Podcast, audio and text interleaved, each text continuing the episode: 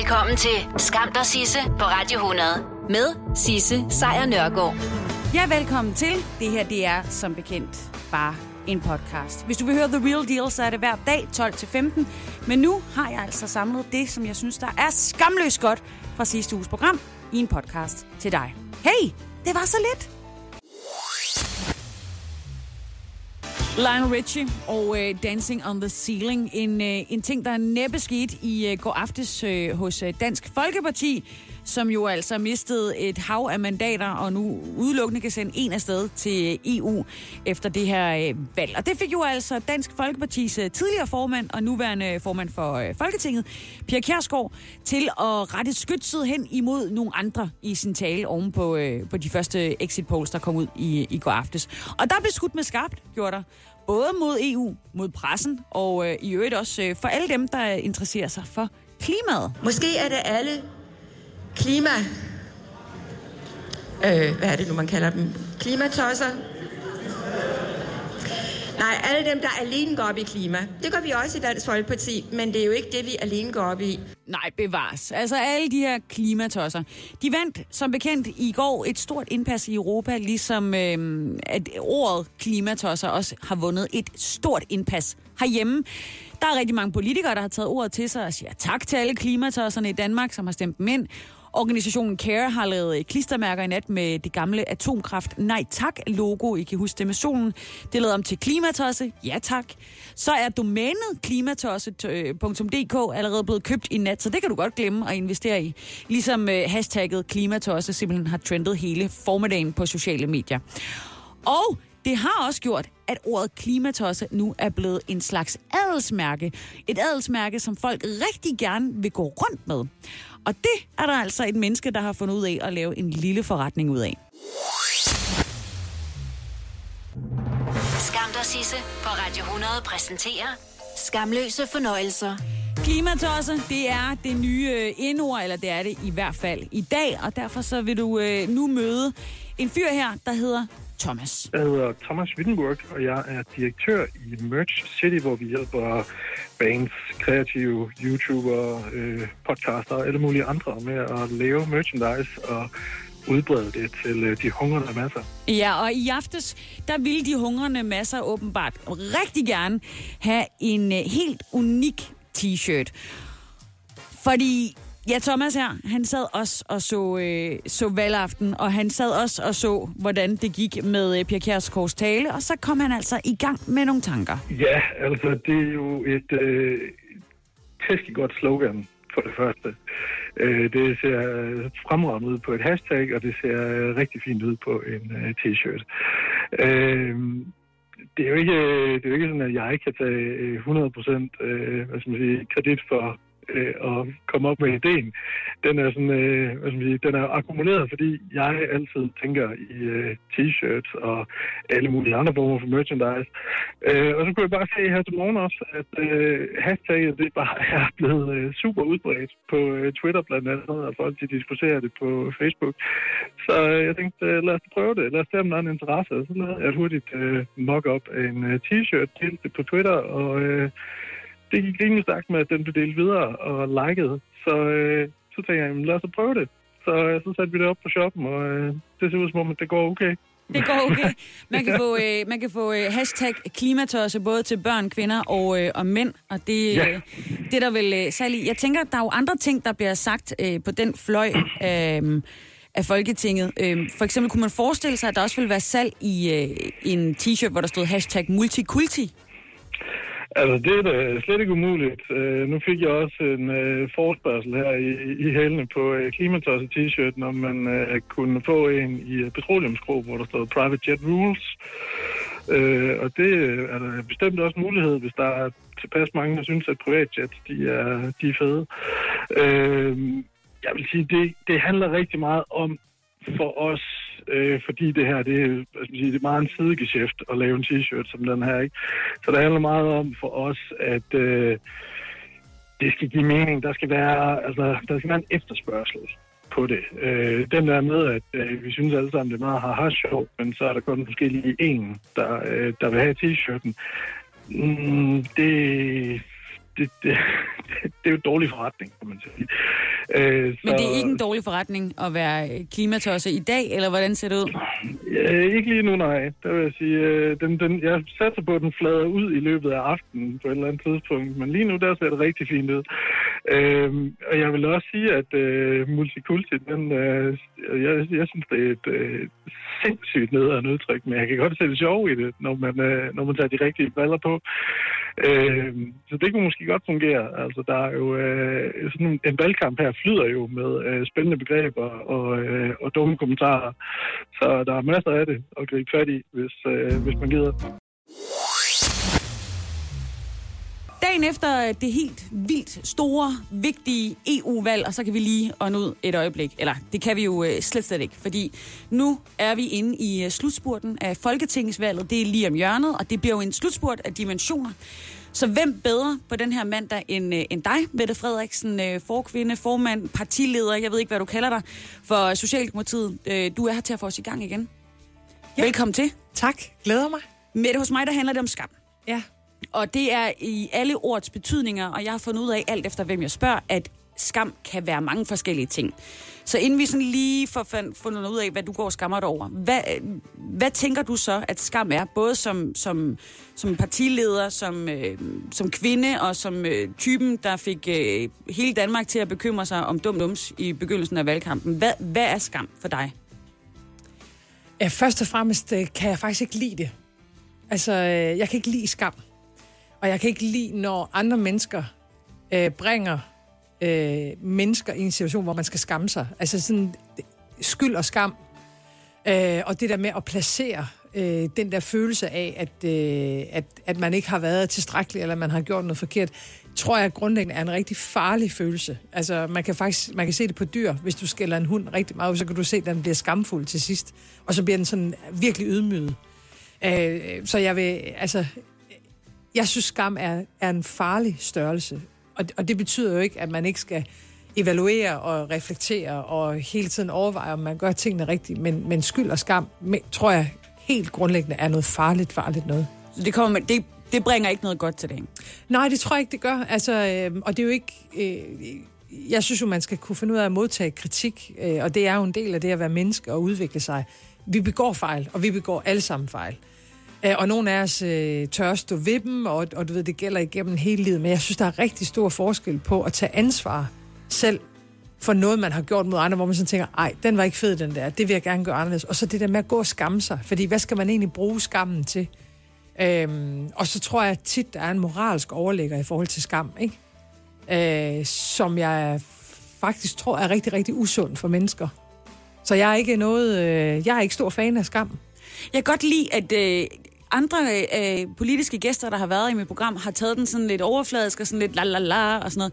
Du går direkte til stålet med den her, og, øh, og kommer faktisk frem til et sted, som jeg jo, der er hele årsagen til, at det her program eksisterer, netop at, at skam er noget, der, det skal, det skal vi have væk, ikke? Nå, jeg kører... det vidste jeg faktisk ikke, at det var det, der var... Nej, men det er, jeg er super glad for det. Ja. Hver evig eneste dag, der har jeg det, der hedder skammens top 3, hvor jeg siger øh, tre ting, jeg skammer mig over, fordi så på den måde, så er det ude, og så er det ikke noget, jeg behøver at bekymre mig om, fordi nu er det der. Der er, der er ikke nogen, der kan dømme mig. Jeg tager ejerskab på min egen skam. Øh, og det vil jeg gerne give dig muligheden for. Jeg, du behøver ikke lave en top 3, men er der en ting, du er gået og skammet over her på øh, det sidste, så kan du sige det, og så er det ude, og så er der ikke nogen, så er det dig, der har historien. Øh, jamen, jeg ved ikke, om jeg går og skammer mig, fordi jeg, jeg, øh, jeg kan bare, altså, noget af det første, min far han sagde til mig, da jeg var barn, Øhm, det var det der med, at du skal være mod andre, som du ønsker, de skal være mod dig. Og jeg ved godt, det er en utrolig banal sætning, og det er sådan det, man kunne skrive i poesibøgerne øh, dengang. Men det holder jo stadigvæk. Altså, der er jo et eller andet over det der med hele tiden at prøve at sætte sig i andre sted. Altså, hvordan, hvordan ville min... Hvordan ville jeg selv have det, hvis folk gjorde det, jeg gør nu?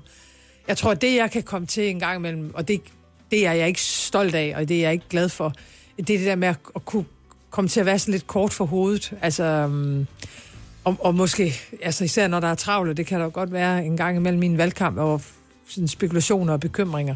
Det der med sådan lige, du ved, at komme til at snære lidt, eller, eller altså, tale på en grim måde. Og det, min kæreste er utrolig opmærksom på, at mennesker skal tale ordentligt til hinanden, og det smitter. Så derfor er det, jeg kan godt mærke, hvis jeg overhovedet er i nærheden af ikke at tale ordentligt til andre, så får jeg lige sådan en, du ved, en, en losing af mig selv-agtigt, ikke? Hvad gør du så? Tager du en dyb indhånding, eller, eller prøver du sådan at, at omformulere det, du øh, gerne vil skælde ud over? Jamen begge dele, og så nogle gange ryger der jo en finke øh, af panden, og så synes jeg, at man skal være sej nok og ordentlig nok til også at kunne sige undskyld, ikke at sige, damn, det var, ikke, det var faktisk ikke det, jeg ville. Og, og, og ja, jeg, jeg synes jo i virkeligheden ikke, det der med, at vi begår fejl som mennesker er et problem, fordi det gør vi. Altså, og det livet er svært.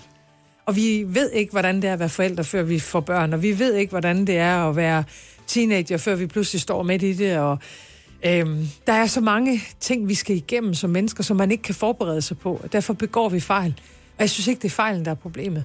Det er mere det der med, hvis ikke vi tør altså erkende fejlene, og også prøve at arbejde med dem, der i virkeligheden er, er et, et problem. Jeg, jeg kan godt lide fejl, faktisk. Jeg kan godt lide fejl er en god måde at, øh, at komme videre på. Vi vender tilbage til dig lige om et øjeblik. Jeg har besøg af Mette Frederiksen fra Socialdemokratiet. Ikke bare fra Socialdemokratiet. Lige nu der er du nærmest personen for Socialdemokratiet. Og Mette, når man er så offentligt et menneske, som du er, så skrives der jo mange ting, der siges mange ting derude, og det er jo en del af spillet. Men en ting er, hvad man selv kan kontrollere og sige og være afsender på. En anden ting er jo, hvad der bliver sagt og skrevet derude, som man ingen kontrol har med. Øh, hvordan er det at stå i?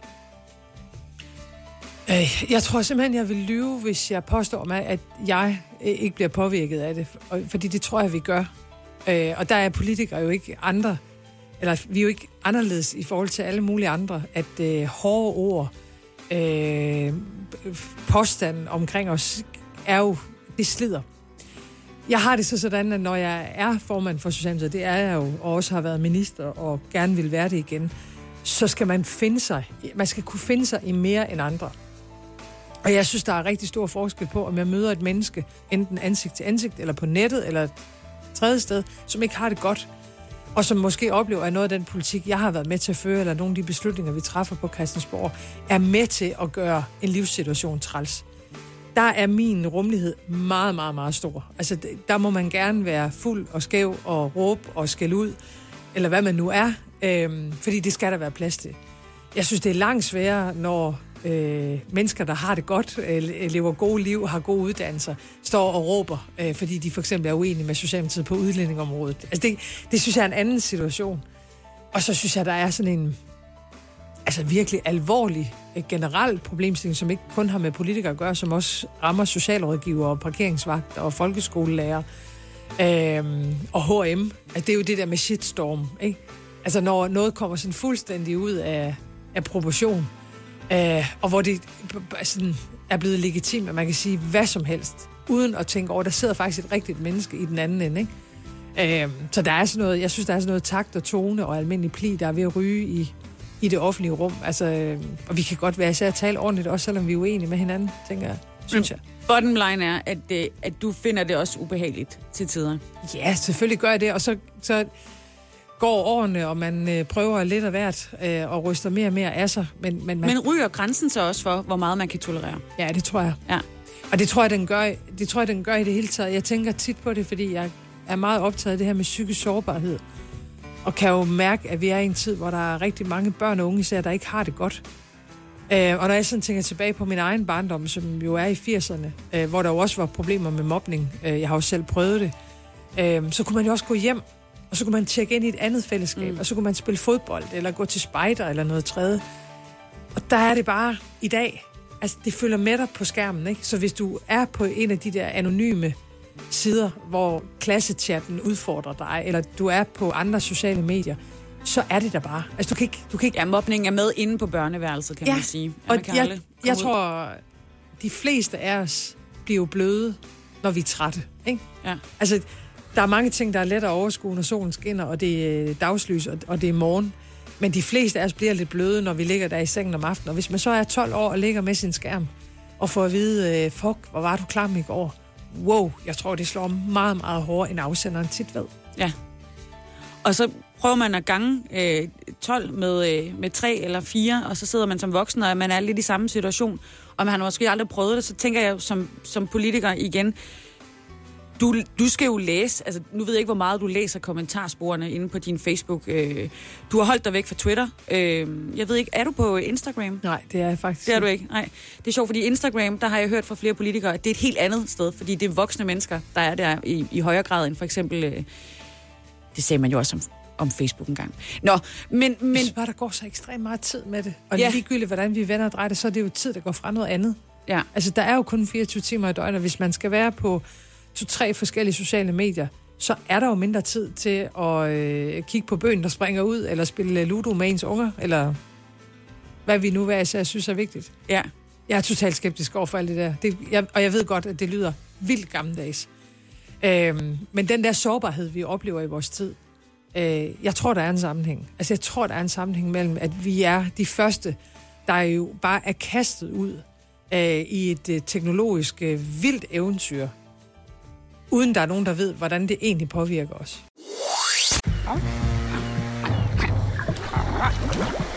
Oyster er bedst til prisen, ja.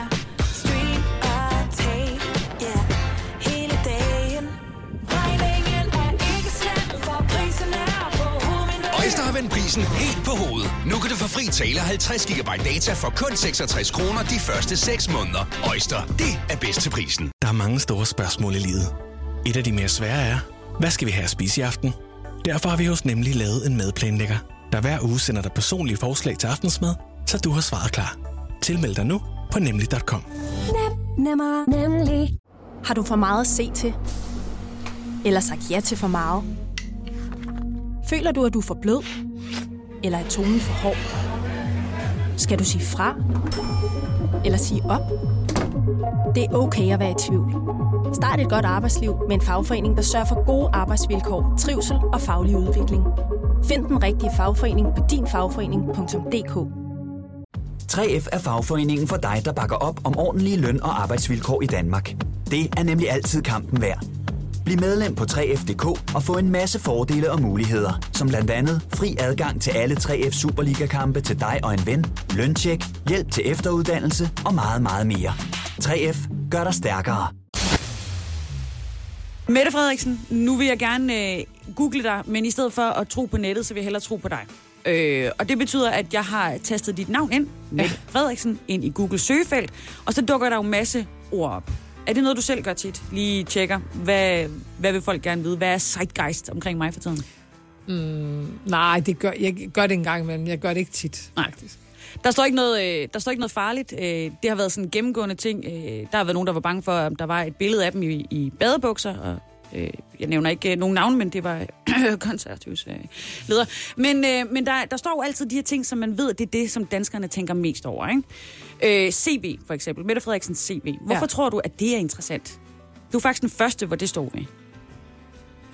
Jamen, det tror jeg egentlig, der er flere grunde til. Altså, jeg tror, jeg tror mange har det sådan, især når man skal tage stilling til, om det skal være Lars Løkke Rasmussen, eller det er mig, der skal være statsminister, så vil man gerne være sikker på, at vi er kompetente til opgaven. Øh, det, det kan i hvert fald være en forklaring, og så tror jeg også, der er jo sådan en, at der er mange, der gerne vil have nogle politikere, der havde noget mere erfaring fra andet end politik, så jeg vil tro, at det, at det både kan være sådan en nysgerrighed, men måske også sådan en, ah, øh, kunne de ikke godt tage og komme ud og få en skovl imellem hænderne, de der politikere der.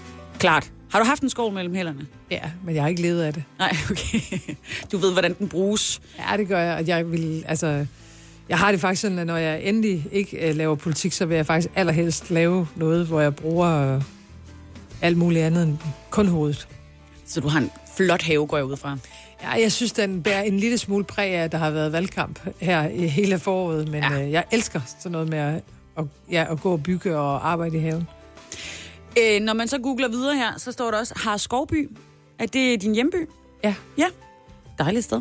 Øh, Twitter leder folk jo efter dig, du er ikke på Twitter. Og det er meget sjovt. Ja, Øh, og hvor, hvad, er det for et, øh, hvad er det for en vurdering? Er det igen den der med, at du hellere vil bruge tid på, øh, på Ludo og, og havearbejde, når du endelig har fri? Jeg, altså, nu skal man jo virkelig passe på med sin fordom, men det virker på mig som om, at Twitter er et meget lille lukket, øh, også lidt ekokammeragtigt, hvor journalister og meget politisk engagerede skriver til hinanden. Og jeg tror ikke, det er der virkeligheden er. Altså, og jeg, jeg er jo gammeldags. Altså, jeg, jeg, jeg har det sådan, at hvis jeg sådan rigtig skal forstå, hvordan det er at være udviklingshemmet, så skal jeg være sammen med mennesker, der er udviklingshemmet på deres arbejdspladser, i deres familier, lytte til, hvordan, øh, hvordan livet leves.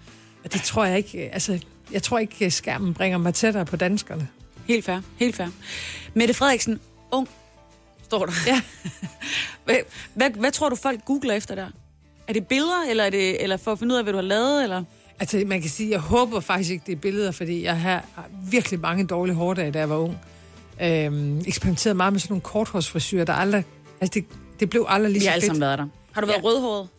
Nej. Nej, men så er du over det værste. Jeg har været permanentet. Uh. Også krøller. Øh, og meget korthåret. Øh, nej, men det kan jo godt være sådan noget, tænker jeg, med... Øh, at jeg også har været i politik længe, og jo også har taget nogle skift undervejs på nogle sådan rigtig vigtige politikområder. Så det kan godt være nogen, der sådan tænker, hvad mente hun egentlig dengang? Og jeg kan da godt huske hende, da hun var helt ung. Øh, og måske prøve at sammenligne. Ja, det kan selvfølgelig godt være, det er det. Så står der også en masse andre ting med EU, øh, uddannelse, børn, politik. De, det kommer vi ikke øh, til at nå igennem, men det, der altid bonger ud øverst, det er jo det mest private. Og for mange øh, øh, kvinder, der er det tit sådan noget med øh, billeder af, hvordan de ser ud til, til, til, til, på stranden eller et eller andet. Men der, der, der vil folk bare gerne vide, hvem er din kæreste? Ja, det kan jeg da godt forstå. øh, jamen, han er utrolig sød øh, og dejlig, og øh, laver film og tv. Og vi har været sammen nu i snart fem år, og øh, har bragt vores øh, familier og vores børn sammen. Og øh, det går utrolig godt. Så behøver jeg ikke google det. Mette, du er her øh, til en øh, sidste omgang, øh, efter at vi lige har fået den her. Mette Frederiksen, du er stadigvæk med her i øh, Skammens Arnested øh, hos mig i øh, Skam der Sisse. Og jeg vil øh, personligt skamme mig grufuldt, hvis jeg ikke på en eller anden måde lige fik øh, sned et politisk øh, spørgsmål ind. Der må være gemt en eller anden form for faglig stolthed i mig derinde et eller andet sted. Øh, og det, som jeg roder lidt med, det er, at som vælger, øh, som journalist, som vælger, som, som hele beduljen, der har jeg svært ved at finde et parti, der rummer mig. Ja, det kan jeg godt forstå. Og det, jeg tror heller ikke, du finder det. Nej. Altså, det er rigtig svært at finde et parti, hvor man sådan tænker, okay, jeg er både enig med dem i, altså på det grønne, og på velfærd, og på uddannelse, og på øh, forsvars- og sikkerhedspolitik. Så du må ikke, jeg tror ikke, altså, det tror jeg bliver rigtig, rigtig svært. Det, og, og det er svært, og det er et daglig kamp for at overleve alle de der valgtests, man kan tage. Jeg får altid et nyt resultat. Er det rigtigt? Ja, det, men det er også underligt. Det må jo være mig, der har, er lidt skizofren i min, øh, i min måde at anskue tingene på. Men jeg tænker, som øh, partileder, som, som oraklet over Socialdemokratiet, altså øh, stjernen, som øh, alle skal følge, er det så ikke også nogle gange for dig sådan, at du kigger bagud og så tænker, den der politik, den behøvede jeg faktisk ikke at, at være med ind over? Er der noget på dit, lad os sige, partiprogram, på din, din partiplan, hvor du tænker, det kunne jeg godt skamme mig lidt over? Som jeg ligefrem kunne skamme mig over. Nu tager vi den helt derud, men nu ved jeg, hvad din definition af skam er, så det vil jeg faktisk ikke sige. Som du synes, det var ikke nødvendigt. Ja, det er der. Øhm, og det har ikke så meget at gøre med, med det, vi sådan går til valg på, men, men måske mere, når jeg, jeg har snart været på Christiansborg i 20 år, og jeg synes, øh, jeg må sige, sådan, konklu- hvis jeg sådan skal konkludere på de to årtier, der er meget at sige om de to årtier, men det er, at vi blander os for meget på Christiansborg. Altså, vi, vi, er- der er en skrækkelig tendens til, at vi altid tror, vi ved lidt bedre end alle andre, og gerne vil detaljstyre og regulere ned i mindste detalje. Og, det, og det, på overfladen lyder det altid godt. Altså for eksempel minimumsnummeringer. Yes, tænker man. Fedt nok, så får vi lige det vedtaget, og så er der ordnummering. Men det er jo så bare endnu et eksempel på, at vi også der kommer til at detaljstyre øh, rigtig meget. Så meget af den lovgivning og alle de reguleringer, vi laver, virker altid rigtig godt i sådan første take og på overfladen. Men når du lægger det hele sammen, så har dansk øh, politik udviklet sig til noget mærkeligt noget, hvor ideologien og værdierne og sådan, altså de grundlæggende menneskelige holdninger til, hvad er det for et samfund, vi gerne vil have, fortoner sig. Og så sidder vi ned altså, og styrer i ja, mindste, mindste, mindste detalje. Og det er ikke, fordi jeg ikke gerne vil have bedre normeringer i daginstitutionen, fordi det vil jeg, og det er jeg faktisk ret sikker på, at et nyt flertal vil kunne sikre. Men, men jeg synes, Christiansborg skal træde et skridt tilbage og både lade danskerne leve deres liv noget mere, men i virkeligheden også have meget mere tillid til, at sygeplejerskerne ude på sygehuset, pædagogerne nede i børnehaven, har en uddannelse og en faglighed og er dygtige og kan klare meget mere, uden at vi politikere behøver at styre alting. Det lyder jo nærmest liberalt. Nej, det synes jeg ikke, det er. Jeg synes mere, at det er en tillidsøvelse, fordi det handler ikke om, at vi som samfund ikke skal regulere der, hvor vi skal regulere. Altså jeg vil for eksempel gerne regulere mere på plastikforurening, øh, på at sikre, at der bliver sprøjtet mindre i vores grundvand. Der, der skal vi regulere, fordi der har, der har det rigtig store omkostninger, hvis ikke vi gør det rigtige.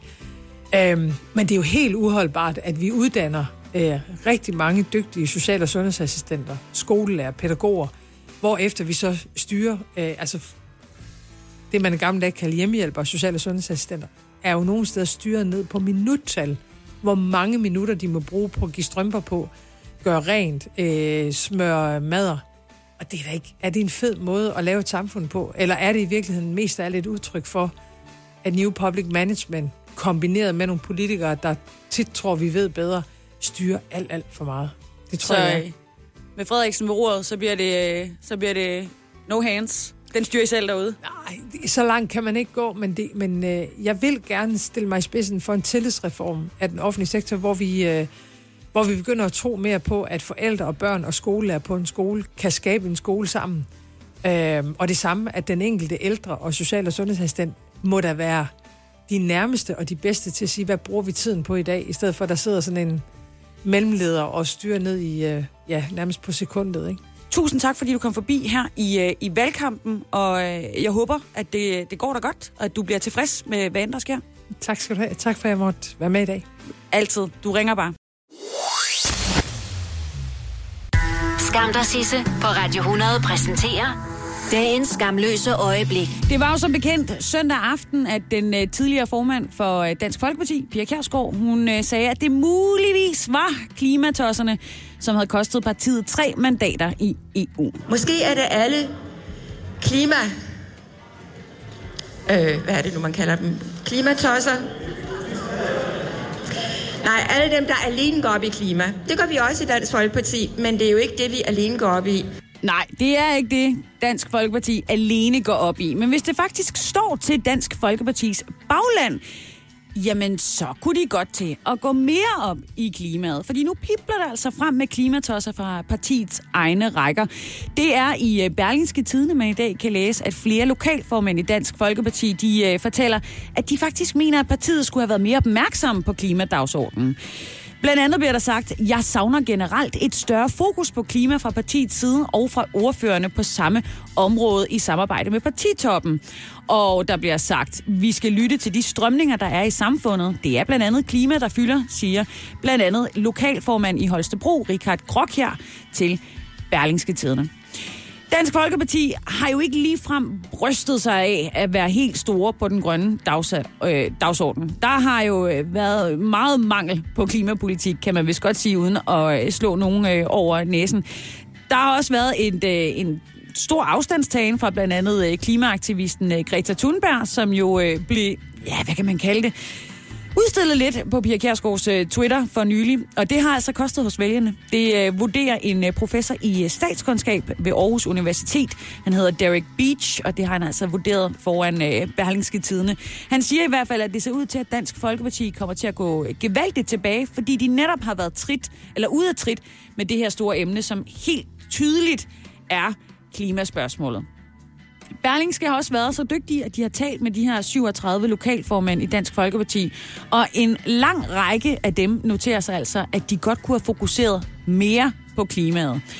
Så det kunne man jo så et eller andet sted godt have skammet sig over, at man ikke, eller man havde gjort lidt mere.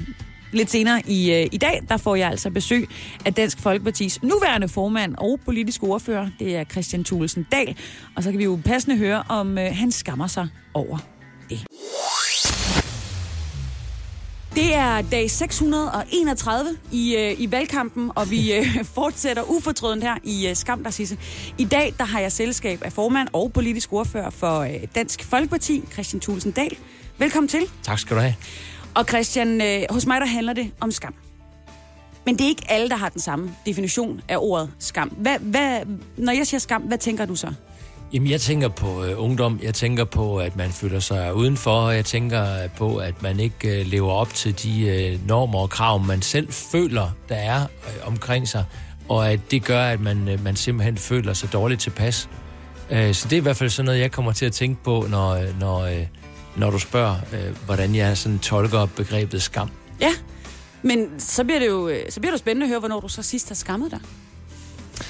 Jamen, øh, nu er jeg en mærkelig type. Altså, fordi øh, jeg har i virkeligheden altid, også i min ungdom, selv følt mig øh, sådan særlig, altså følt, mig, følt, at jeg har gjort nogle ting, som mine kammerater ikke gjorde.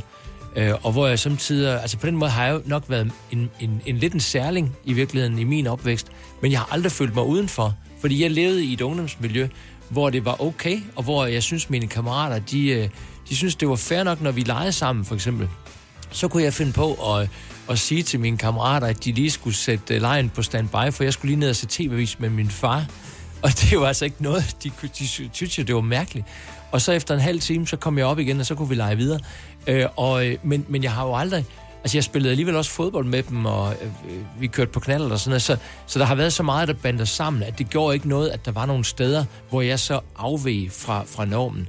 Og noget af det, jeg så, når jeg kigger på unge mennesker i dag, kan blive lidt nervøs for, det er, at der ikke er den samme rummelighed, og at man ikke accepterer hinanden øh, med, med lige så stor øh, villighed til, at den anden godt må skære lidt ud i et område. Men det er jo de unge i dag. Det er deres skam. Ja. Det må de bakse med. Ja, det er rigtigt. Jeg tænker bare, i, ud fra det, du sagde, øh, hvordan du definerede skam, altså sådan ikke at øh, komme lidt uden for, øh, for det normale, og ikke leve op til sine egne standarder, så tænker jeg sådan, at det, du så sidst må have skammet over, det må jo næsten have været EU-parlamentsvalget.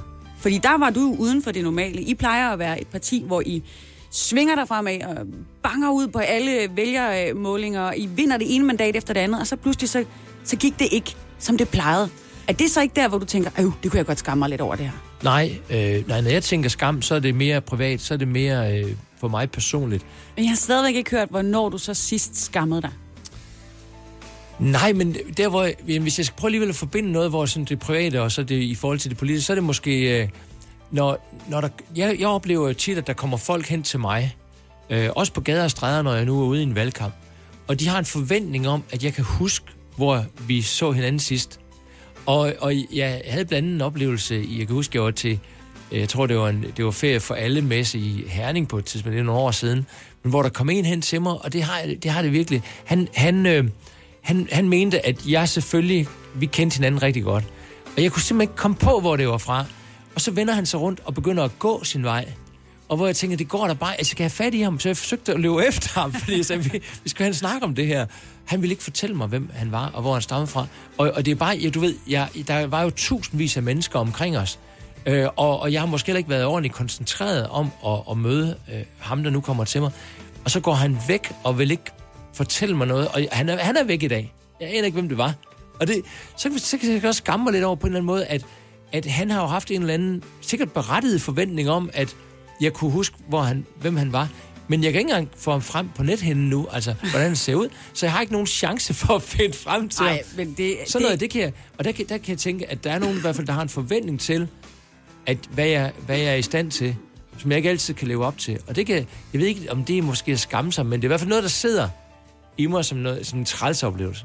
Det kan jeg godt forstå, og man har ikke en levende chance for at kunne finde ud af. I tænker også med alle de vælgere, I har, i hvert fald har haft os øh, igennem tiderne, så kan det jo være svært at sætte ansigt på dem alle sammen.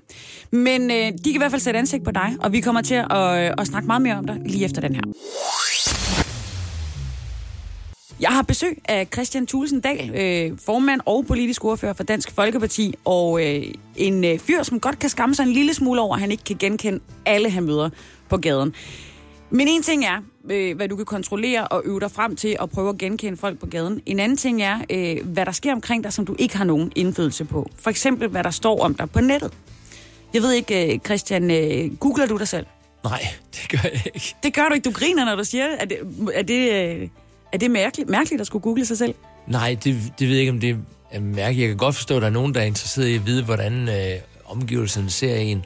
Men, øh, men jeg har bare aldrig rigtig... Øh, øh, altså, jeg er mere interesseret i at prøve at, at, at gøre det, jeg gør, og så må, må folk jo vurdere det, som de vil, og hvad folk lægger ud. Jeg har det sådan lidt med det der internet, og hvad der bliver lagt ud og sådan noget, at jeg er jo ikke herre over det. Så, så, så det der med at... Og jeg har nu også også med, at samtidig det kan være en lidt en skraldespand, det hele, der foregår inde på nettet, så, så jeg beskæftiger mig ikke så meget med det, som jeg måske burde som politiker. Det kan jeg godt, øh, det kan jeg godt følge dig i. Jeg, jeg, mange af de politikere, der har været herinde, har også sagt, at det der med at google sig selv, og så se, hvad det er, andre mennesker siger om en, det behøver de faktisk ikke. Øh, det, det, er ikke det er ikke rart. Det er noget med, at der er, man kan godt beskytte sig lidt selv lidt bedre ved ikke at opsøge de ting, som der står derude. Men har du nogle gange øh, læst noget om dig selv, øh, online eller i aviserne, hvor du tænker, åh, det var alligevel sådan lidt, det var lidt ubehageligt? Ja, ja, øh, det har jeg da. Og jeg tror, der er politikere jo i samme bås som øh, bankfolk og, og, og brugtvognsmekanikere. Øh, me- Og journalister. Og journalister, ja. Fordi øh, på den der skala over, hvem det er okay at, øh, og, øh, og, og svine til i forskellige sammenhænge, der er politikere jo en del af, af dem, som det åbenbart er tilladt øh, og, og sige neddrægtighed omkring. Og det skal man jo bare kunne være i, hvis man er i det. Men, men man kan sige, der er ingen grund til at opsøge det, øh, fordi så bliver man bare et surt menneske. Og jeg er grundlæggende et glad menneske, optimistisk menneske. Så, så jeg opsøger jo ikke af egen drift øh, alt, øh, altså skraldespanden. Øh, Øh, men det er klart, der kan jo godt være nogen, der gerne vil have, at jeg kommenterer noget, eller altså svare på noget, øh, og så siger jeg, jamen øh, det er det, og så bliver jeg nødt til at forholde mig til det, og så finde ud af det først, og så gå ind og, hvad, hvad var det egentlig, der blev skrevet, og hvad er det så, jeg skal udtale mig om, og så gør jeg det selvfølgelig. Men så er det, så er det fordi, der er sådan en konkret situation, hvor jeg bliver bedt om at forholde mig til noget, noget konkret, der har været skrevet. Nå, prøv lige at høre. Normalt så plejer jeg jo med mine gæster at øh, gennemgå de øh, foreslåede forslag, der er, når man, øh, når man øh, skriver deres navn ind i en øh, Google-browser. Og øh, når man gør det ved dig, så må jeg desværre erkende, at det simpelthen er for kedeligt til radio. Kommer der noget frem med Liverpool? Eller sådan noget? Nej, overhovedet Ikke Det, det? som folk gerne vil vide noget om, det er din kone. Øh, det, det er din... Øh, og der kan vi, hun hedder Berit, så vidt jeg kunne forstå. Ja. Og I har været gift siden øh, 2008. Og så er det ligesom ude af verden. Der er nogle fine billeder af jer i baltøj ved dronningen. Super. Øhm, så er det, om du er på Twitter. Er du det? Ja, altså professionelt. Ja, men ikke, du sidder ikke og hygger dig med det og tweeter med, når der er Eurovision og sådan Nej, noget ting. det gør jeg ikke. Helt fair. Og så, hvor høj er du? Står der det? Eller hvor? Det, det vil de gerne vide, tror jeg. Okay, øh, 1,89. 1,89. Ja. Er pænt højt. op. Flot højt. Godt. Så den vil jeg ikke gennemgå. Til gengæld har jeg lavet en lille leg i dagens anledning, fordi du netop var så kedelig at, at google. øh, og den hedder Imellem dig og mig, og den tager vi efter det her. Du lytter til Skam dig Sisse på Radio 100. Skam dig Sisse på Radio 100 præsenterer Skamløse fornøjelser. Godt. Christian Tulsendal, jeg har lavet en lille leg øh, til dig, øh, som jeg synes giver meget god mening. Den hedder Imellem dig og mig. Og øh, i den, der skal du færdiggøre den sætning, som jeg begynder. Og øh, lige nu, der er det jo bare dig og mig i studiet. Så du kan bare, du ved, læne dig tilbage, Slap af. Slap af. Ikke, der sker ikke noget her. Nej. Vi tager det bare, øh, det kommer som øh, skidt fra en spædkalv, oh, som man siger der, hvor jeg er fra. Du er klar? Jeg prøver. Imellem dig og mig var jeg, hvis jeg ikke var blevet politiker, blevet... Politimand. Ja, det kunne jeg godt forestille mig. Du vil se godt ud i den uniform. øh, godt. Imellem dig og mig var jeg som ung meget bedre til. Oh, øh, spil musik? Du har spillet musik, ja. Det opdagede jeg godt på min Google-search på dig. Hvad, øh, har du helt øh, forladt det? Nej, altså, men jeg bruger det jo kun til at stresse af, og så spille. Og, og, og det er jo ikke, fordi jeg er super dygtig til det, men jeg gik til klaver i hele min, øh, min drengetid, øh, og, øh, og, øh, og har virkelig glæde med musik. Altså, øh, og det, det bruger jeg aktivt øh, til at, at få en stemning frem, eller til at måske slappe af om aftenen og sådan noget. Der er musik altså super, super godt. Også, altså både at lytte til, men, men også, at, også at spille selv, når jeg er i nærheden af et klaver. Er det så, hvad er det så for nogle sange, du slapper bare af med? Men det er noget rytmisk. Det er, det er nogle Elton John-numre. Øh, Det kan være Thomas Helmi. Det er noget af det, jeg hørte der i 80'erne, da jeg voksede op, som jeg blev bit af, og som stadigvæk hænger, hænger fast. Phil Collins, øh, sådan nogle numre. Alt det, vi faktisk spiller her på kanalen. Er så dejligt. Ja, men det er det altså virkelig. Øh, og så ved jeg jo så også, hvad øh, svaret er. Så øh, når jeg siger, imellem dig og mig, så slapper jeg allermest af, når jeg... Jamen enten spiller musik, men det kan faktisk også være, hvis jeg er ude og kløve brænde. Ja. Og det er ikke, fordi jeg skal bruge det. Jeg har ikke nogen brændeovn, men jeg elsker at kløve brænde, fordi det er sådan en... Eller klippe græs. Altså det er jo det der med, at man går ud og skal lave sådan noget... Jeg tror også, det der med at sidde mange timer inde ved et skrivebord og sådan noget. Så det at komme ud og lave noget fysisk, øh, det, det er ikke, fordi jeg er specielt god til det, men jeg elsker det, og jeg, jeg slapper virkelig af, øh, når jeg, når jeg gør det. Men altså, jeg vil have nogle bunker med brænde, øh, som der selvfølgelig er en del, der begynder at spørge, hvad skal du egentlig bruge alt det der brænde til? Du kan bare Når jeg ikke har nogen brændeovn, men altså, jamen, jeg kløver træ. Ja. det er hyggeligt. Sælg det. Sælg det. Imellem dig og mig, så synes jeg, at flygtninge er rigtig gode til. Øh, jamen, øh, flygtninge, de, de er jo er der en ting, de er specielt gode til. Men det ved, det ved jeg godt nok ikke. De er gode til at, til at... Altså dem, der kommer til Danmark, er i hvert fald gode til at have, være kommet igennem rigtig mange lande, før de ender i Danmark, for at søge asyl lige præcis i Danmark. Altså, det, man kommer jo ikke bare til Danmark fra... Man er jo ikke flygtet fra Tyskland eller fra Sverige, man er jo flygtet fra typisk øh, Syrien eller Afghanistan og sådan noget. Så er det godt nok lang vej, man har fragtet sig for at komme til Danmark, så man har åbenbart været god til i hvert fald at, at, øh, at komme langt hjemmefra. De må mene det, tænker jeg. Ja, yeah. Godt. Imellem dig og mig, så forstår jeg slet ikke. jeg forstår slet ikke Uffe Elbæk. altså, et, det er virkelig crazy, synes jeg, samtidig. Så han er et sødt, sødt menneske. Det, er virkelig, det mener jeg virkelig. Jeg har brugt mange timer sammen med Uffe Elbæk øh, i forskellige forhandlingssammenhænge også, og jeg synes, han er en rigtig, rigtig sødt menneske. Men politisk, der forstår jeg ham overhovedet ikke. Imellem dig og mig har jeg det oprigtigt skidt med. Øh, hvis der er en situation, hvor jeg ikke føler, at jeg har gjort mit bedste, øh, fordi hvis jeg har gjort mit bedste, og det så ikke er godt nok, så, altså, så, så har jeg det okay med det. Altså hvis vi når frem til en valgdag, og jeg tænker, at jeg har gjort alt, hvad jeg kunne, så må det gå, som det går. Ja. Men hvis jeg ville sidde med den fornemmelse tilbage, jeg kunne godt have gjort mere, jeg gjorde det ikke godt nok, eller jeg gjorde ikke mit bedste, det meste, jeg gjorde ikke mit bedste, så vil jeg have det skidt med det. Så, så det er fuld damp på indtil øh, valgdagen, og så får vi dommen. Øh, og, og bare jeg har gjort alt, hvad jeg overhovedet kan, og gjort mit bedste, så, øh, så vil jeg have det godt med, med det. Så kommer den sidste. Imellem dig og mig, så når ingen kigger, så er det her min skamfulde fornøjelse. Og lad være med at gå i seng om aftenen, fordi jeg er sådan, jeg er et rigtig B-menneske. Så i virkeligheden, så, så øh, synes jeg, jeg øh, får allermest fra hånden, når det er alt, alt for sent, og egentlig burde være gået i seng. Øh, og jeg ved godt, dagen efter, så bliver jeg træt af det, men, men det er jo dejligt, det man så får gjort. Når man har hele natten for sig selv, ja. og der er ikke nogen, der forstyrrer. Ja, og det bør man jo egentlig ikke vende døgnet rundt, men jeg kan godt finde på det, fordi jeg får, får rigtig meget ud af det, mens jeg så sidder i det. Ja, og alle os B-mennesker derude, vi krydser jo nærmest fingre for, at Christian Thulesen Dahl så kan få øh, gang i en omvæltning af de øh, besnærende A-tider for A-mennesker derude. Godt, Christian Thulesen Dahl, du er stadigvæk med her i øh, skammens arnested her hos, øh, hos Sisse. Og jeg vil skamme mig rigtig øh, grusomt, hvis ikke jeg lige stillede et enkelt politisk spørgsmål. Og jeg er jo, øh, udover at være journalist, og være mor, og være haveejer og løbeentusiast, så er jeg jo også en vælger. Og det er meget svært for mig at forene alle de roller, som jeg har, ind i en lille bitte stemme, som jeg skal sætte på et parti. For jeg synes, der er mange partier, der snakker til mig. Der kan være, lidt- jeg kan godt finde lidt uh, Uffe Elbæk med hans uh, anam, anam, anam, det er for crazy det her. Jeg synes måske også, at uh, liberale er, øh, jeg synes, uh, Anders Samuelsen gør det godt. Jeg synes faktisk også, du er et rigtig venlig menneske, så kan det godt være, at jeg ikke altid er enig med det, du siger. Der er mange ting, så jeg kan godt tænke mig sådan at dele min, min stemme ud. Men jeg tænker også, at som leder af et parti, og ikke bare leder, men også politisk ordfører, altså den, der sætter tonen for det, der skal tales om. Kan det så ikke nogle gange være svært at så kigge på dit bagland og så sige, det, der, det er jeg faktisk ikke enig i? Eller faktisk være sådan ude i, det er en politik, vi fører der, hvor der måske er nogle aspekter, som jeg tænker, mm, det kunne jeg godt skamme mig lidt over. Nej, Jamen, det er jo fordelen ved at have den rolle, som jeg har, også i et forholdsvis topstyret parti, som Dansk Folkeparti jo altid er blevet beskyldt for at være det, eller ikke bare beskyldt, det er vi jo. Jeg har jo selv været med til at stifte partiet, så, så det er jo i høj grad også mig, der er med til at lægge linjen. Men det er klart, at når man er i et fællesskab, og det er uanset hvor man er, om det er på en arbejdsplads eller det er i politik, jamen så er det jo ikke én mand, der styrer det hele, så er det jo et samsurium af, af det samarbejde, man har med andre mennesker.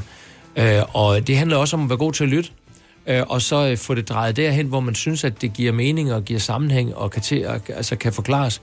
Øh, og, øh, og, og så selvfølgelig kan der være nogle steder, hvor jeg jo også vælger at gå lidt på kompromis for at få tingene til at hænge sammen, men det er klart, det gør man jo ikke på de store linjer. På de store linjer grundlæggende, hvad er det, vi er her for, vores DNA, vores røde tråd, der er det jo vigtigt for mig, som formand for partiet, at det er den samme også over tid. Mm. Fordi jeg tror på, det, der skaber troværdighed på lang sigt, det er, at man ved, hvor man har partierne. Helt grundlæggende, så kan der være en diskussion, om vi skal have et uddannelsesloft, eller vi ikke skal, og om vi skal altså, øh, indføre en ny karakterskala, eller hvad, hvad, hvad vi nu vil, for, fordi det er bedre.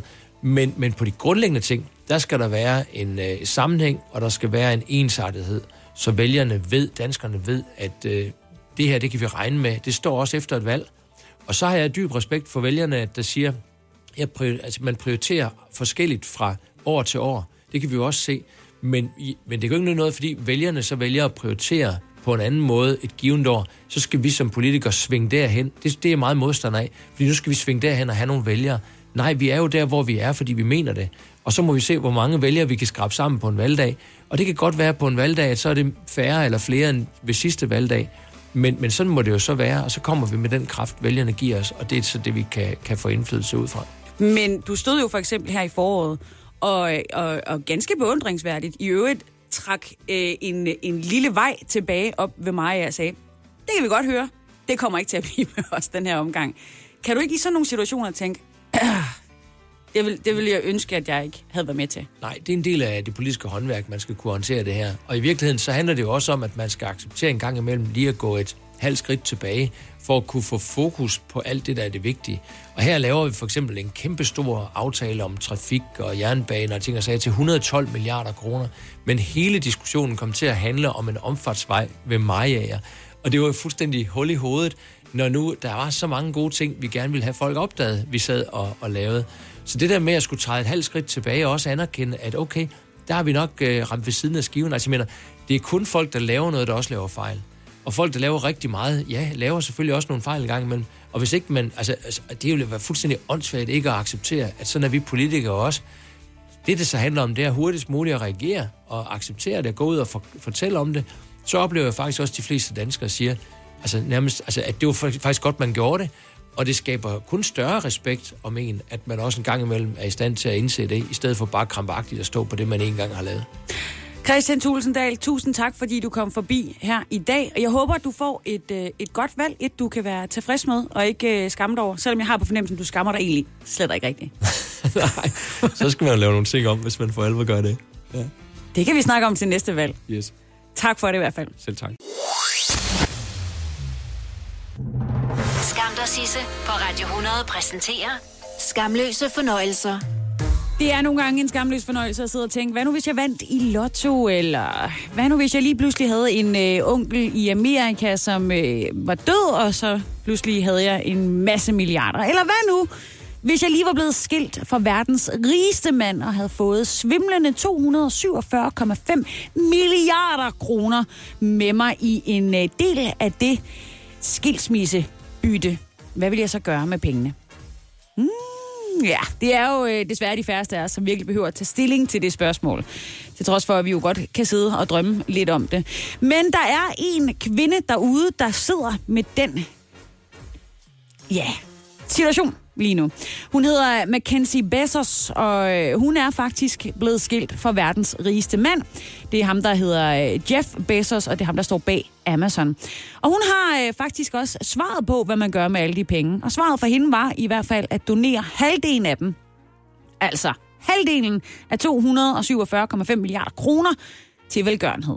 Hun kom nemlig ud af det her ægteskab med det her svimlende beløb, og halvdelen af de penge, som hun altså har øh, fået med sig, dem kaster hun nu ud i samfundet igen. Og med den øh, lille, det lille greb i lommen, med den lille donation, der er hun altså kommet i en meget flot klub, nemlig øh, velgørenhedsorganisationen The Given Pledge, som ledes af to andre åndssvagt rige filantroper, nemlig øh, Bill Gates og Warren Buffett. Hun har selvfølgelig skrevet en lille pressemeddelelse omkring det, at, øh, og i det, der hun skriver, at udover de aktiver, som livet har givet mig, så har jeg en øh, uforholdsmæssig stor sum penge at dele ud af. Øhm, så dem vil hun nu smide afsted. Hun beholder selv 25 procent af de aktier, som øh, parret havde øh, i, øh, i selskabet øh, Amazon, eller i deres selskab, og derudover også 4 procent af Amazon, som jo er en forretning, der bliver ved med at stige og stige i omsætning. Men hun har altså afgivet sin stemmeret, og kan altså dermed ikke længere gøre noget i selskabet. Nå, for lige at vende tilbage til The Given Pledge, så er over 200 af verdens mest velhævende mennesker med i den her velgørenhedssituation, og medlemmerne de øh, afsiger offentligt et øh, løfte, hvor de så siger, jeg lover at donere store summer til velgørenhed. Please køb mine produkter.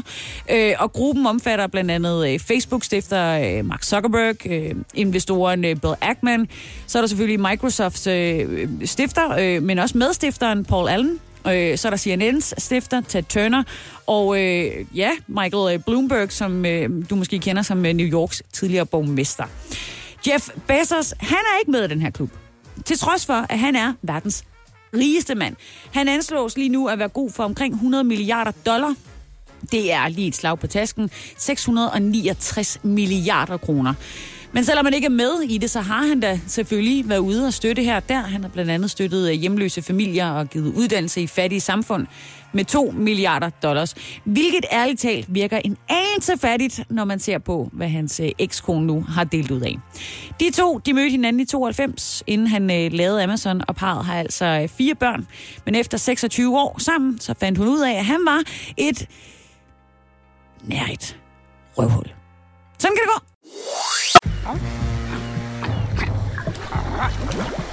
Oyster er bedst til prisen, ja. Stream og tag, ja. Hele dagen. Regningen er ikke slem, for prisen er på hovedet. Øjster har vendt prisen helt på hovedet. Nu kan du få fri tale 50 GB data for kun 66 kroner de første 6 måneder. Øjster, det er bedst til prisen. Har du brug for sparring omkring din virksomhed? Spørgsmål om skat og moms, eller alt det andet, du bøvler med? Hos Ase Selvstændig får du alt den hjælp, du behøver, for kun 99 kroner om måneden. Ring til 70 13 70 15 allerede i dag. Ase gør livet som selvstændig lidt lettere. Har du for meget at se til? Eller sagt ja til for meget? Føler du, at du er for blød? Eller er tonen for hård? Skal du sige fra? Eller sige op? Det er okay at være i tvivl. Start et godt arbejdsliv med en fagforening, der sørger for gode arbejdsvilkår, trivsel og faglig udvikling. Find den rigtige fagforening på dinfagforening.dk Der er kommet et nyt medlem af Salsa Cheese Klubben på MACD. Vi kalder den Beef Salsa Cheese, men vi har hørt andre kalde den Total Optor. Det er dag 629 i valgkampen, føles det lidt som om. Men nu kan vi også ane øh, land i, øh, i sigte. Der er kun en uge til, at vi kan få lov til at sætte vores kryds. Og min gæst i dag vil rigtig gerne have nogle krydser. Ja. Især efter weekendens EP-valg. Så velkommen til dig, Uffe Elbæk. Du er stifter og leder af Alternativet. Ja. Øh, nu kaster vi os sådan lige øh, sådan over alt det her med skam, men inden vi sådan sætter den dagsorden, så vil jeg bare gerne lige have opklaret en, øh, en forvirring. Nå, er det rigtigt? Ja, i søndags, Ja. der så jeg øh, Pia Kjærsgaard stå og, og skyde skylden på det dårlige valg på alle klimatosserne. ja. Men hvor var de for jer? En gang til. Hvor var alle klimatosserne? Er det ikke dem, der skal stemme på jer? Altså, Hvem skyder tror, du så skylden på? Jeg, jeg, jeg, nej, jeg, altså jeg synes selvfølgelig, at folk skal stemme på Alternativet, fordi at, øh, vi er det parti, som jeg synes i hvert fald, at øh, klima- og naturudfordringen øh, aller, aller, aller mest alvorlige. Øh, det, der er den glædelige nyhed, det er jo, at øh, hvor vi stod meget alene med den dagsorden i 2015, altså ved sidste valg, så øh, op til det her valg er der rigtig mange partier, som har fået en øh, meget grønnere profil, og det er jeg faktisk glad for, fordi øh, jeg er glad for, at vi har fået ikke bare et folketingsvalg, men et klimavalg. Øh, og det betyder, at nogle af de vælgere, som øh, har stemt på Alternativet øh, sidst, de måske løber tilbage til nogle af de partier, de kom fra oprindeligt. Men jeg håber selvfølgelig, at, øh, at der vil være en forståelse for, at hvis der skal være en sådan en klimavagthund i det nye øh, folketing, så skal det selvfølgelig være Alternativet. Det, øh, det må vi i hvert fald se på. Det, det var nok for politik i, i den her omgang. Ja. Nu skal det handle om skam. Og Uffe, hos mig, der handler det jo som bekendt om skam, og i- det er lidt svært at definere øh, skam. Der er, hvert menneske har sin egen vurdering af, mm. hvad skam er. Øh, så hvad tænker du, når jeg siger ordet skam?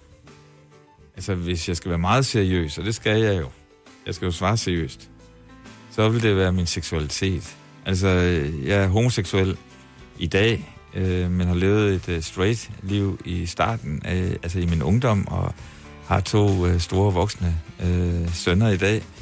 Øh, og jeg, selv, men selvom altså, jeg var glad og jeg, for de kvinder, jeg var sammen med, og jeg elskede dem og alt muligt, så vidste jeg godt, at der var en øh, lille homodreng inde i mig, øh, som havde sådan på et eller andet tidspunkt, skal jeg altså ud og, og ses på og folde vedkommendes liv ud, ikke? Øh, men der er meget... Dengang, altså for dem, der ikke ved, hvor gammel jeg er, skal jeg lige sige, at jeg fylder 65 øh, til sommer. Og det vil sige, at øh, at være homoseksuel i, øh, sådan, i starten af 70'erne var stadigvæk sådan noget, som var, var skamfuldt.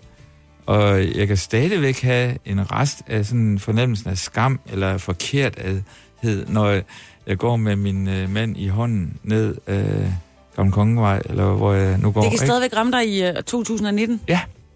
Altså, der, der er noget skamfuldt over sådan, øh, på sådan et eller andet dybt plan omkring den seksualitet, jeg har. Og det, det er jeg jo ikke stolt af at sidde og sige. Øh, men øh, men øh, den er der. Den er, det er en følge, følgesvend, kan man sige.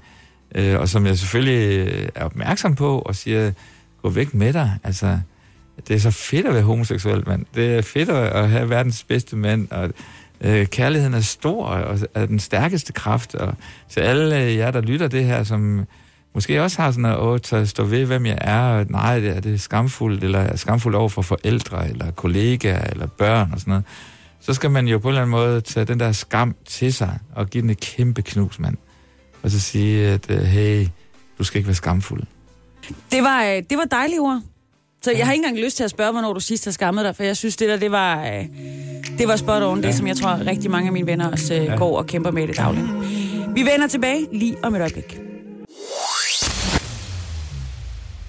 Og jeg havde jo besøg af Uffe Elbæk lidt tidligere i dag, men i går, der havde jeg altså besøg af Christian Thulesen Dahl fra Dansk Folkeparti, og øh, hvis der er noget, han ikke forstår, så er det Jeg forstår slet ikke Uffe Elbæk. Nej, det sagde han nemlig i går. Og det fik mig jo så til at spørge øh, Uffe Elbæk, hvad siger det er så dig? Når Christian Thulesen Dahl siger det, så er det jo enormt bevidst, ikke? Altså, så forsøger han at tage en politisk autoritet fra mig.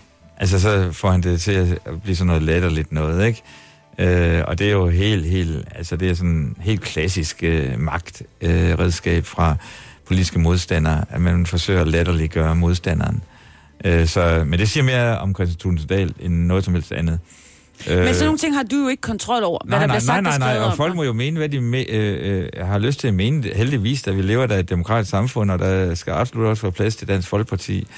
Øh, og øh, altså, folk må jo mene, hvad de vil øh, mene. Øh, Jeg mener jo også noget om folk. Altså, altså vi mener jo noget alle sammen. Altså, øh, og det, det, der jo er interessant som øh, offentlig person, det er at opleve, øh, hvor meget man bliver et læret for folks, øh, øh, både på gode dage, altså glæde, og man synes, man får bekræftelse, folk siger, du betyder noget for mig, altså det du siger, inspirerer mig til at, at gøre noget vigtigt i mit liv og sådan noget. Det er jo det er, det er den positive udgave. Men som øh, politiker får du også rigtig, rigtig meget had øh, og øh, vrede. Ja, nogle gange så bliver jeg meget overrasket over, hvor meget vrede der er, øh, aggressioner der er øh, hos folk. Og hvordan dealer man med det? Jamen, øh, jeg, jeg prøver at sige, det er jo ikke mig som privatperson, det er ikke Uffe, privatperson Uffe, der er i spil her. Det er rollen øh, som politiker, der er i spil.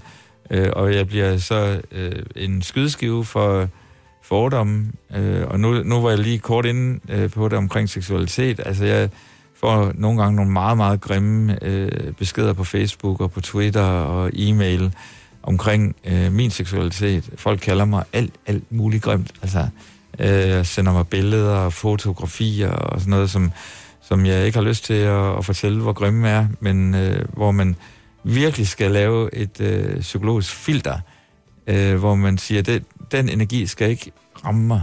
Øh, og langt, langt hen øh, øh, kan, kan, kan det der filter øh, holde stand, men der er der nogle gange, at øh, man bliver ramt, ikke? Øh, og man bliver ked af det.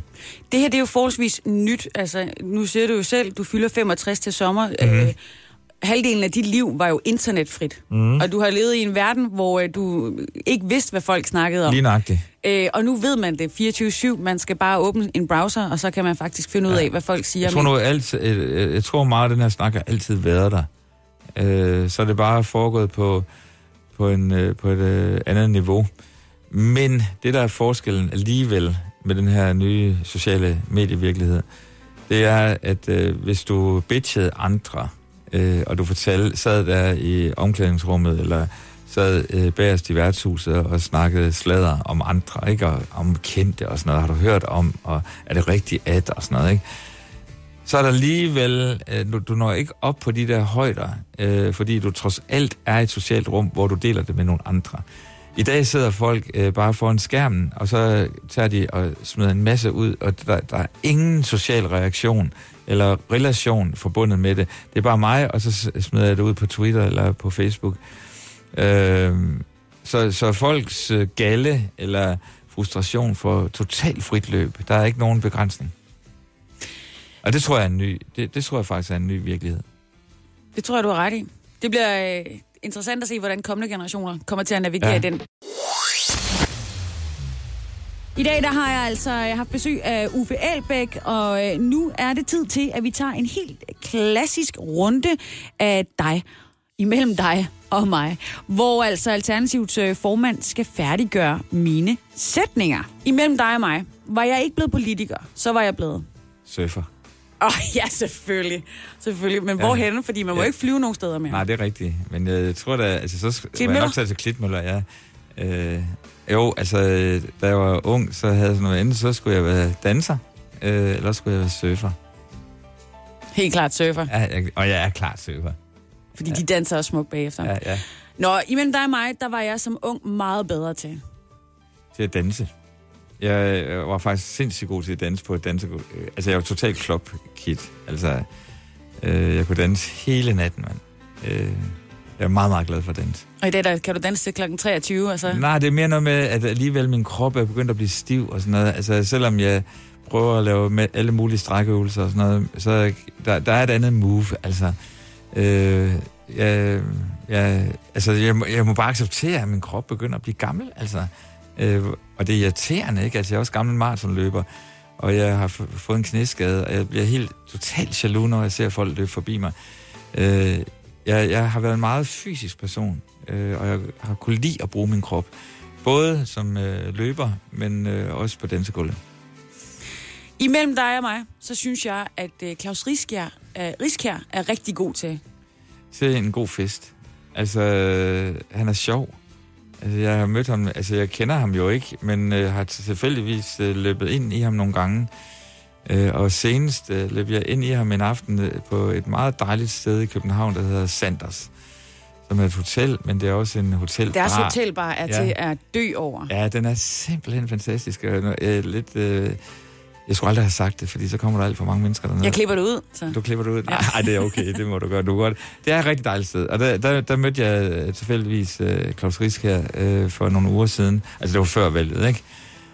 Øh, og hvor han var rigtig, rigtig sjov. Og jeg grinede bagefter. Altså, jeg, det var rigtig sjovt. Det, Så sagde. han er en fest. han er en fest. Imellem dig og mig, så forstår jeg slet ikke.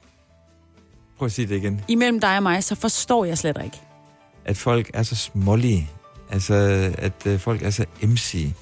At der ikke er større generositet. Altså også over for dem, man er uenig med. Altså, gud, hvor er folk MC.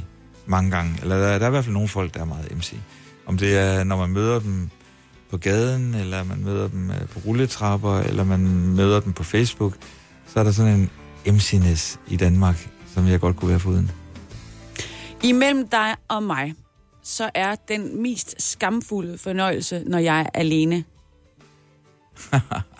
Jeg var lige ved at se, øh, sige at se porno, men det gør man jo ikke. Altså, hold nu op. Man kan jo Øh, men, møde øh, alle mulige mennesker på øh, øh, Pornhub i de her dage, så det er lige før, de Det er ligesom sætter ja, moodet lidt forkert. Olsen og alle mulige reklamer og sådan noget, ikke? Så Ja, øh, det er nej, jo- okay. Hold da op, sikke en historie. Men Nej, please lad nej, være med nej, at sige, det er en nej, god bog. Nej, nej, nej, nej. Øh, nej, altså det er... Øh, måske at jeg falder ned i og googler alt for meget på Ekstrabladet og BT, hvad der står der. Altså, nogle af de der... Åh oh, nej, du ryger ned i kommentarfelterne. Ja, altså hvor man ikke man bliver suget ind i, i nogle af de der historier. Og det er, vil du have, spild af energi, spild af tid, kom ud af det. Vi har en aller sidste runde, og den handler en lille bitte smule om politik. Ja. Skam dig, Sisse på Radio 100 præsenterer Skamløse fornøjelser. Uffe Elbæk, du er stadigvæk med her i Skammens øh, Arnested ja. øh, her hos mig, og jeg vil øh, personligt skamme mig, hvis jeg ikke lige fik sådan et lille spørgsmål omkring politik med. Ja, Der ja, er en selvfølgelig, faglig stolthed et eller andet sted. Selvfølgelig. I den perfekte verden, Ja. I min perfekte verden, der vil jeg kunne dele min stemme op. Så vil jeg sige, øh, så får øh, du måske 13 procent, og så kan Socialdemokraterne få 5 procent og gøre godt med 40 procent måske til noget enhedsliste, så er der Liberal ja. Alliance. Jeg har et svagt punkt for øh, Anders Samuelsen. Ja. Øh, og så kunne jeg dele det op på den måde. Ja. Men vores vælgersystem er jo ikke indrettet til sådan nogle skizofrene vælgere Nej. som mig. Men jeg tror, det er mange, meget få vælgere, der rent faktisk kan se sig selv ingen, reflekteret. der- Nej. Der er ingen, der er 100% enige i et parti. Det er der simpelthen ikke. Og jeg tænker, det må jo også gøre sig gældende for dem, der stifter partiet. Ja, ja. Fordi du er jo om noget øh, leder af et øh, parti, hvor der sker mange ting. Ja. Fordi I har en fri måde at tale på. Ja. Der skulle være meget, øh, så vidt jeg har forstået, et meget fladt styresystem. Alle jo, jo, nogle kontakt. steder, i nogle, altså, i nogle situationer, så er, der, er alternativet ekstremt flat. Altså, andre situationer, så skal der selvfølgelig være et hierarki. Men øh, spørgsmålet er, Spørgsmålet er simpelthen, er der noget i dit parti, hvor du tænker, ej, det kan jeg virkelig ikke stå til måls for? Eller det, man kan faktisk sige, det skammer jeg mig lidt over. Ja, altså, jeg synes, øh, det, det er ikke så meget på øh, det politiske indhold, fordi at jeg er faktisk meget, meget, meget enig i af gode grunde for pokker, altså i øh, Alternativets politik. Men noget, som øh, jeg har lyst til at også arbejde med at gøre op med efter øh, det her valg, det er, at der har været en periode, hvor vi nærmest blev lidt bange for vores egen skygge, øh, og begyndte at blive sådan, uh, her vi må ikke lave nogen fejl. Altså, og en organisation, der begynder at blive bange for at lave fejl, bliver også en organisation, som øh, bliver mindre kreativ. Øh, så jeg har lyst til at, at gøre op med den der fejlkultur, som også har snedet sig ind i, i Alternativet. Og det er selvfølgelig fordi, at vi vil vise hele verden, at øh, vi kan sgu godt stå distancen inde på Christiansborg. Vi kan godt øh, leverer finanslovsforslag. Øh, forslag. vi kan godt, og så videre, så videre, så videre, ikke? Øh, og der er en enorm medieopmærksomhed på alle partier, også Alternativet. Man skal næsten ikke øh, øh, gå ved siden af, før det kan blive en, en stor overskrift. Og det gør, at man bliver presset ind i, at, øh, at øh, uha, man må ikke lave fejl. Og ved du hvad, man kommer ikke igennem livet uden at lave fejl. Og hvis man begynder at blive bange for det, så er man ikke modig nok.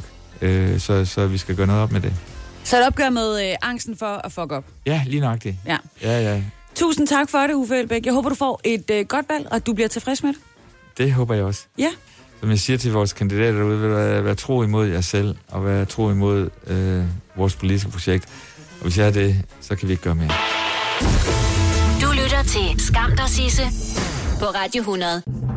Skam dig Sisse på Radio 100 præsenterer Skamløse fornøjelser. Som bekendt, så vil jeg jo lige øh, stikke et, øh, et stykke med øh, tv-serie i, øh, i hånden på dig. Simpelthen fordi det er det eneste, jeg sådan rigtig kan sige, jeg har researchet på de sidste par uger i min, øh, i min sygdom. Jeg har set tv-serier, og, øh, og det kommer altså dig til gode nu. Og jeg tænker, at det er okay, i og med, at vi alle sammen er måske en lille smule fedt op med valg og politik og hardcore nyheder. Så nu har jeg tænkt mig lige at anbefale en serie, som du kan kaste over de her dage. Hvis du vel at mærke har øh, gjort op med dig selv, at du, øh, hvor du skal gøre, sætte dit kryds. Fordi ellers så skal du selvfølgelig følge med i alt det andet. Ikke sandt? Nå, men det her er en, en gammel, sensationel nyhed i en ny, blændende serie. Det er en serie, der hedder Chernobyl. En øh, serie baseret på katastrofen i Tjernobyl, der jo indtraf, da atomkraftværket øh, eksploderede tilbage i øh, 1986 i april. Og der var et kæmpe område, ikke bare i Tjernobyl, men i Ukraine, som blev fuldstændig ubeboeligt, og stadigvæk er det den dag i dag. En sindssygt uhyggelig katastrofe, som stadigvæk i dag kræver menneskeliv, men, men tilbage der i slut 80'erne, der var det helt absurd, hvor voldsomt det var. Den her katastrofe er nu lavet om til en serie på HBO, hvor alle de rigtige mennesker, der var med, bevares, dem kan de ikke være med, fordi de er alle sammen døde, men alle de mennesker, som var, var med under den her øh, katastrofe, bliver portrætteret på, øh, på flot vis. Jeg har taget et lille klip med her fra traileren. In terms of radiation, I'm told it's the equivalent of a chest x-ray. Hell, Chernobyl is on fire. And every atom of uranium is like a bullet, penetrating everything in its path metal, concrete, flesh. Now, Chernobyl holds over 3 trillion of these bullets. Some of them will not stop firing for 50,000 years. Tell me how to put it out. You are dealing with something that has never occurred on this planet before. Ja, oh, så uhyggeligt. Og det var også uhyggeligt tilbage i, øh, i 86. Jeg kan ikke selv huske situationen. Jeg var tre år, da det her det skete, men jeg husker årene efter, og hvordan hele den her samtale om kernekraft blev fuldstændig fordrejet, fordi at vi havde oplevet så katastrof altså en katastrofe, som det var i uh, Tjernobyl. Som sagt er serien her baseret på de virkelige hændelser, øh, som stadig den dag i dag er ufattelige at forstå, men serien gør faktisk, altså giver et ret godt bud på et, øh, et scenarie, som gør, at man måske nemmere kan sluge den øh, voldsomme historie, som det er. For nogle år siden, der besøgte jeg selv området omkring det her smadrede kraftværk, og det gjorde et stort indtryk, absolut. Men den her serie, den gav mig en forståelse, og den gjorde mig reelt set faktisk også bange, fordi den viste, hvor virkelig voldsomt galt det gik. Det er hysterisk godt skuespil. Det er lidt mærkeligt, de alle sammen taler engelsk, men det kommer man så efter. Altså se den. Se den, se den, se den. Den er... Det er den, du skal se nu. Skam dig, Sisse, på Radio 100. Med Sisse Sejr Nørgaard.